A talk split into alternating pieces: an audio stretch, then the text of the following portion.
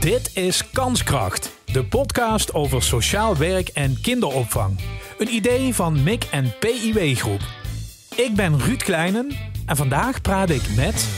Jonne Maastrom van Partners en Welzijn en ik ben jeugd- en gezinswerker en schoolmaatschappelijk werker. Kijk aan, welkom Jonne, leuk dat je er bent. Dankjewel. Um, het wordt altijd zo geregeld dat de gasten en de mensen om de gasten heen de onderwerpen aandragen.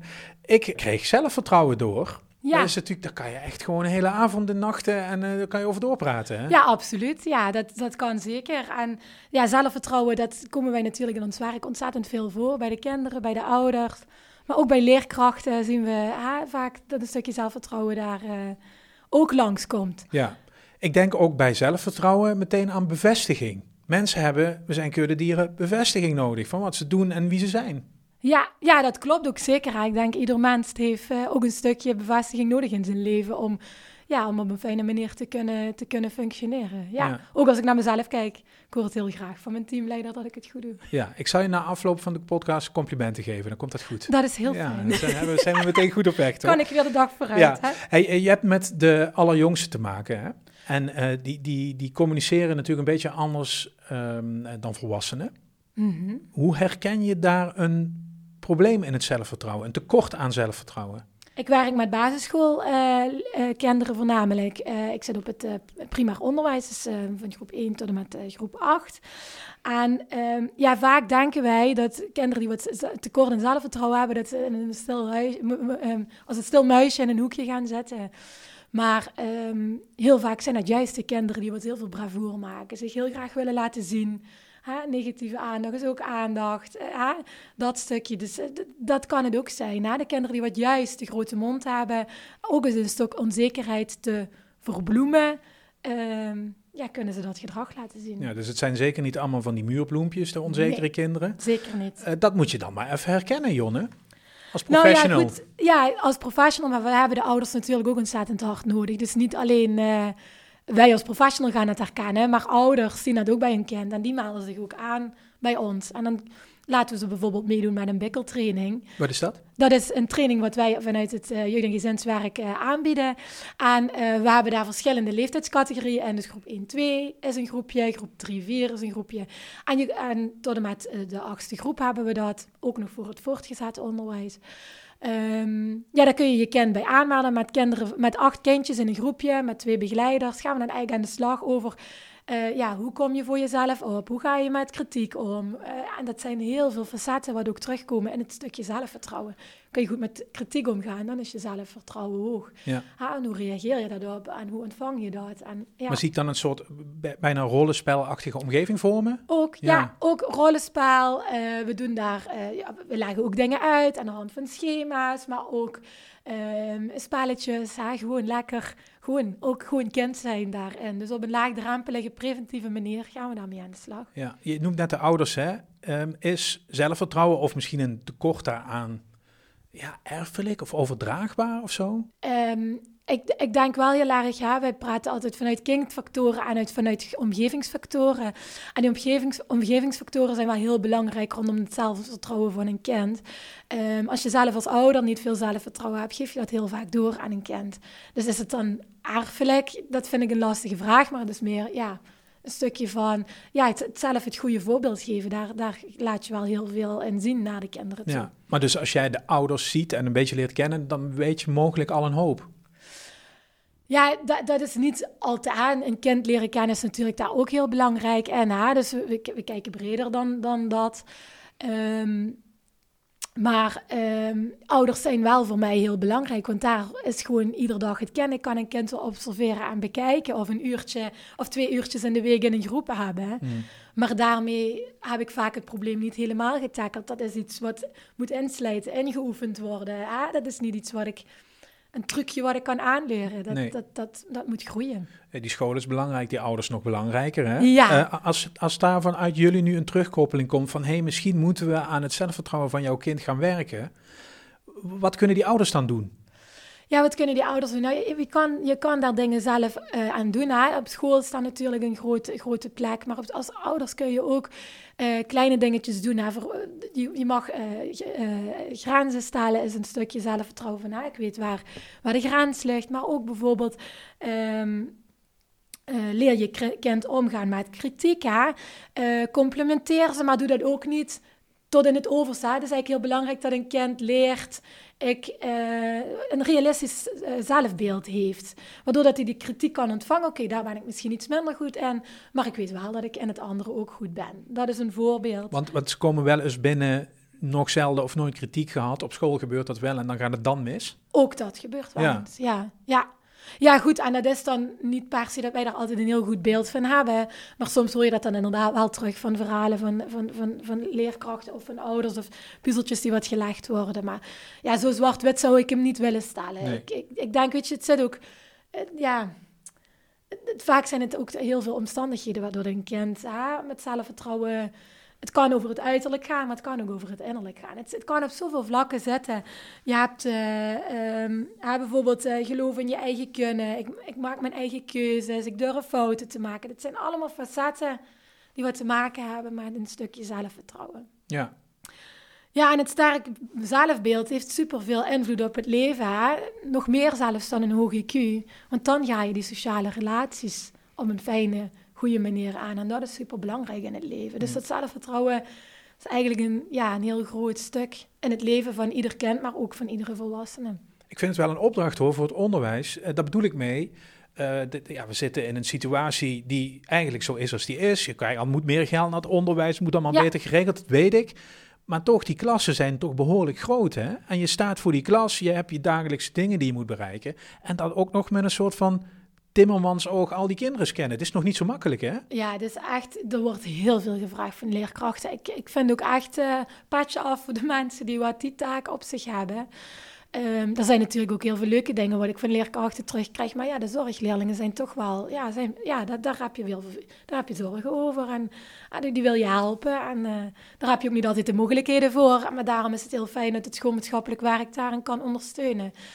En uh, daar wel die tijd voor vrij kan maken. Ja. ja. Jonne, bestaat er ook zoiets als een, want we hebben het nu over een tekort als zelfvertrouwen, maar ook aan een teveel? Is dat er? Uh, nou ja, goed. En dat is dat realistische zelfbeeld waar, wij het, ja, waar ik het net ook over had. Komen we daar weer uit? Ja, precies. Te veel complimenteren kan ook averechts werken, want dan heeft iemand geen realistisch zelfbeeld. Hmm. En com maar complimentjes maken is ook is wel belangrijk. Dus het is zo moeilijk om daar het goede in te doen. Ook als ouder of als leerkracht. Of, ah, dat is een dat is ook het kind leren kennen en kijken van heeft hij dat niet nodig op dit stuk. Maar daarom is het bijvoorbeeld belangrijk om complimenten te maken over een proces. En niet van, oh goed, je hebt die negen, maar meer van, goh, ik zag dat je je goed concentreerde, wat knap.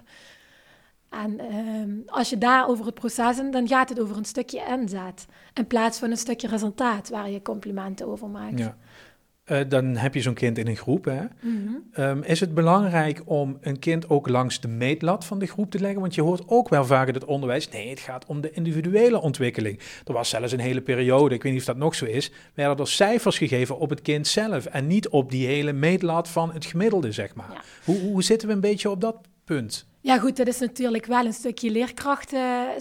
Dat is, visie van de school misschien. Visie van de school ook wel. Uh, ik denk dat iedere school daar op zijn eigen manier maar dat durf ik eigenlijk niet. Hoe sta jij erin dan? Ja, ik vind het heel belangrijk. Hè? Ieder kind en iedere ouder ook heeft een eigen koffertje wat hij met zich meebrengt hè? naar die school. En um, in dat koffertje kunnen dingen oplopen. En, en ik, ik denk, ik, ja, ik als hulpverlener hou daar gewoon heel veel rekening mee. Van, goh, deze moeder kan dit nu niet, want... Um, ja, ze is al blij dat het kind op school is. Laat staan het huiswerk maken.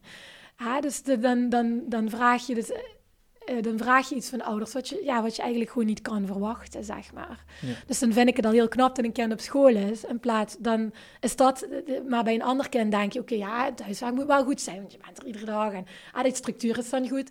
Maar voor een ander kind is die structuur jij zo super knap dat dat lukt. Ja. Als we dan bij die ouder met zo'n probleem uh, terechtkomen, hè? jij zegt, we hebben iemand die kan het gewoon even nu niet. Ja. Wat doe je dan? Ja, ook gewoon kijken hoe kunnen we deze moeder ondersteunen. Dat zij, of deze vader, of, of hoe dan ook. Maar dan gooi je lijntjes uit hier binnen de organisatie bijvoorbeeld? Bijvoorbeeld. Ik heb een heel groot sociaal netwerk. Ik hoef gelukkig niet alles alleen te doen. Het stukje opvoedingsondersteuning hoort wel tot bij mijn taken. En dan kijken we gewoon van, goh, hoort dat bij het voorliggend veld? Want dat is wat partners en welzijn doet. Ja, wij weten van heel veel een beetje. Op het moment dat het specialistische zorg gaat worden, ja, dan moeten wij ook doorzetten. Net zo goed dat de uh, huisarts doorzet naar de longarts, zetten wij door bijvoorbeeld naar iemand die wat veel specialisme heeft over autisme. En dan uh, geven wij dat, uh, ja, dan dragen wij dat over naar een andere organisatie. Een beetje uh, poortwachtersfunctie, kun je bijna zeggen. Ja, eigenlijk een stukje filteren van waar hoort wat thuis, maar ook leerkrachten meenemen in het stukje van, nou, hoe werkt dat nou in hulpverleningsland? Want hun zijn heel goed in het leerkracht zijn. Hmm. Maar uh, weten daar gewoon vaak niks van. En gelukkig hebben ze niet uh, ieder jaar uh, zes casussen waar, dat, waar heel veel zorgen ja. spelen. Want dat vraagt ook heel veel van hun tijd. Hey, nu heb je, we hebben het over die basisschoolleerlingen. Hè? En dan denk ik gemiddeld zo'n beetje halverwege dat traject doen de social media hun intreden. Hè? Zit ik dan te laag? Um, nou, ik, ik, wil maar even zeggen, over, over, over nou, misschien verwrongen zelfbeeld gesproken, daar haal je natuurlijk ook niet echt uit, hè? Zeker ja, ja, op die dus leeftijd je bedoelt niet. in groep, groep 4 of zo ja, wordt dat... die uh, krijgt er een TikTok in groep 5, 6, weet ik veel. Nou ja, goed, hè. er zijn al kinderen in groep 1 die wat uh, op de iPad zitten. Ja. Hè? En ik weet niet wat ze dan allemaal zien langskomen. Dat is natuurlijk ook per gezin anders. Iedere ouder heeft er eigen afspraken en regels met hun kinderen over. Maar ik wil maar zeggen, dat, dat bemoeilijk zo schetsen van je eigen zelfbeeld, zeker op die leeftijd. Want daar, eigenlijk is daar ook alles nep, daar wordt ook maar wat afgeschilderd Ja, eigenlijk. dat is zeker een heel ja. groot stuk. Ja, wat daarin meegenomen wordt. En daarom, wij, wij geven ook social media trainingen op, uh, op scholen, om dat ook te laten zien van niet alles wat je ziet is waar online. Ja, kan, kan je daar tegen opboksen? Want die, Ja. social, het is zo massief, weet je wel. Die social media zit Het is altijd overal. Ja, En dan sta jij met je goede praatjes. Ja, ja, helemaal mee eens. Ja. Ja. Het is wel een gevecht. Het is zeker een gevecht. En het, ja, weet je, ook daar kunnen we ouders wel in ondersteunen van ah, hoe ga je daarmee om en hoe sta je daarin en, en hoe, eh, hoe pak je dat aan? Eh, waar maak je afspraken over? Waar kun je afspraken over maken? Hoe kun je dat eh inbedden thuis? D- Daar kun je wel ook een stukje ondersteuning in bieden.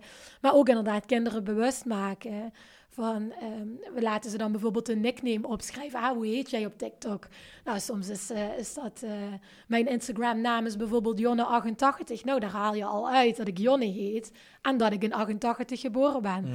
Ah, dat, zijn, dat is toch al behoorlijk wat informatie over mij eh, als persoon.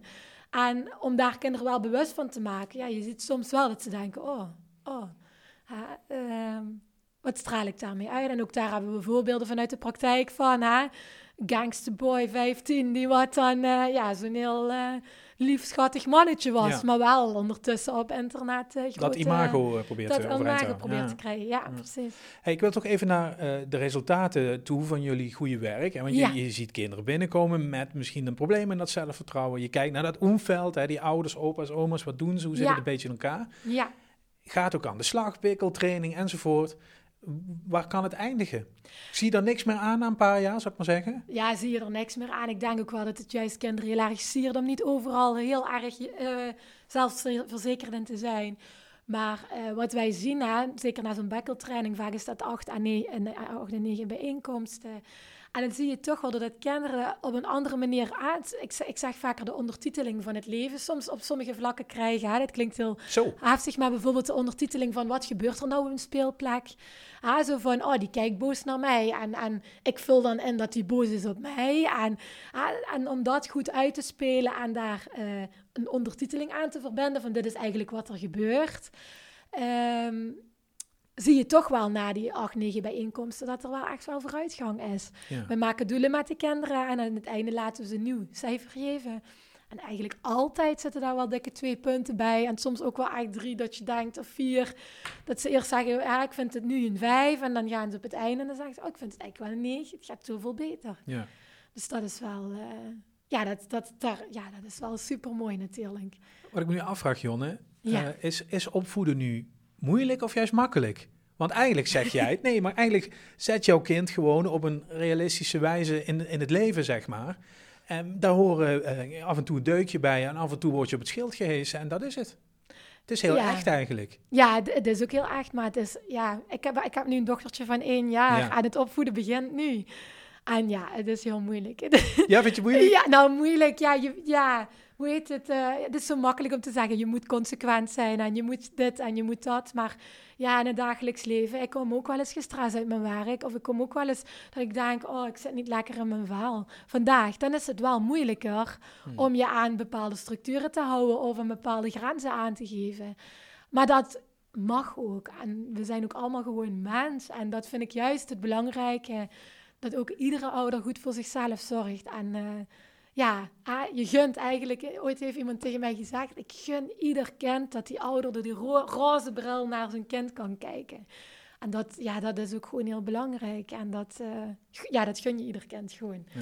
Het is en echt mensenwerk, hè? Ja, en dat ik daar een klein stukje aan mag bijdragen, dat vind ik echt magnifiek. Ja, daar geniet ik iedere dag wel van. Dit was Kanskracht, de podcast over sociaal werk en kinderopvang. Een idee van MIC en PIW Groep. Reageren en jezelf aanmelden als gast? Dat kan. Je vindt een contactformulier in de show notes. Vergeet Kanskracht niet te volgen in je podcast-app en als je daar toch bent, geef een recensie.